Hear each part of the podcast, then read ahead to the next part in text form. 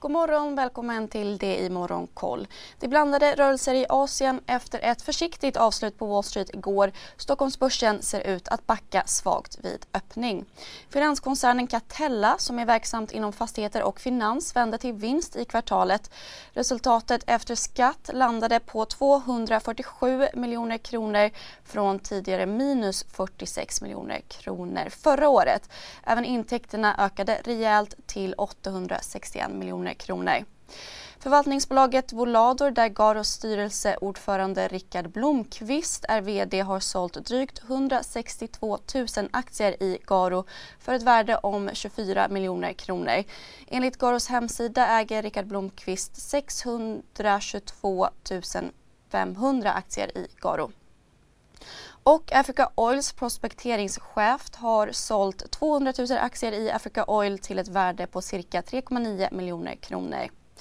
I Asien stiger Tokyobörsen och Hongkongbörsen en halv procent medan Shanghaibörsen stiger svagt och Shenzhenbörsen backar närmare en halv procent. Volvos systerbolag Geely Automobile som släppte rapport igår lyfter cirka 3% Techjättarna Alibaba och Tencent stiger runt 2% vardera. Kinas president Xi Jinping och Rysslands Putin väntas medverka vid nästa G20-toppmöte i Indonesien som ska hållas i november, uppger Indonesiens president. Och det trots att USA velat utesluta Ryssland ur G20 efter invasionen av Ukraina. Inflationen i Japan steg som väntat 2,4% i juli mot... I de sekunderna när jag är i luften så är det en kamp på liv och död. I Spotlights serie Vinnarskallarna minns stjärnorna själva de dramatiska svenska sportögonblicken. Hör Anja Persson berätta om när hon kraschade i OS-backen men reste sig igen. Jag ville vinna över berget. Vinnarskallarna. Nytt avsnitt varje fredag. Sök efter podden Spotlight. Förra året. På råvarumarknaden faller oljepriset tillbaka något och ett fat bränt handlas för 96 dollar. Samtidigt fortsätter utbudsstörningar och en stigande efterfrågan att pressa upp europeiska gaspriser som stiger till nya rekordnivåer, rapporterar Bloomberg. Terminspriset på naturgas har ökat till 241 euro per megawattimme i Amsterdam och har rusat cirka 496 procent i år. Vidare till USA där energisektorn gick starkt igår medan ledande index stängde svagt uppåt.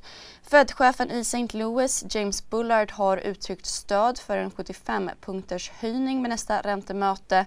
Och det rapporterande bolaget Cisco Systems som tillverkar nätverksutrustning stärktes runt 6% efter att ha meddelat att problemen i leverantörsledet lättar. Aktiekursen i Bioteknikbolaget Mind Medicine rusade i ett misstänkt meme-rally igår.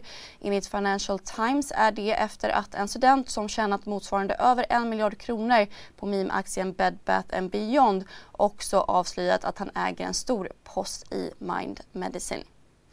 Slutligen har vi även fått siffror på det brittiska konsumentförtroendet som liksom väntat fortsätter ner till rekordlåga nivåer i augusti.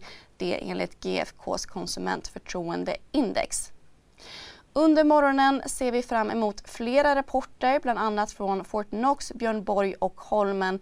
Vi får även tyska producentpriser under förmiddagen.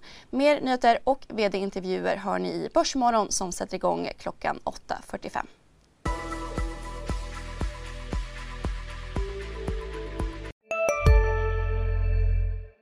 CSRD. Ännu en förkortning som väcker känslor hos företagare. Men lugn, våra rådgivare här på PWC har koll på det som din verksamhet berörs av. Från hållbarhetslösningar och nya regelverk till affärsutveckling och ansvarsfulla AI-strategier. Välkommen till PWC.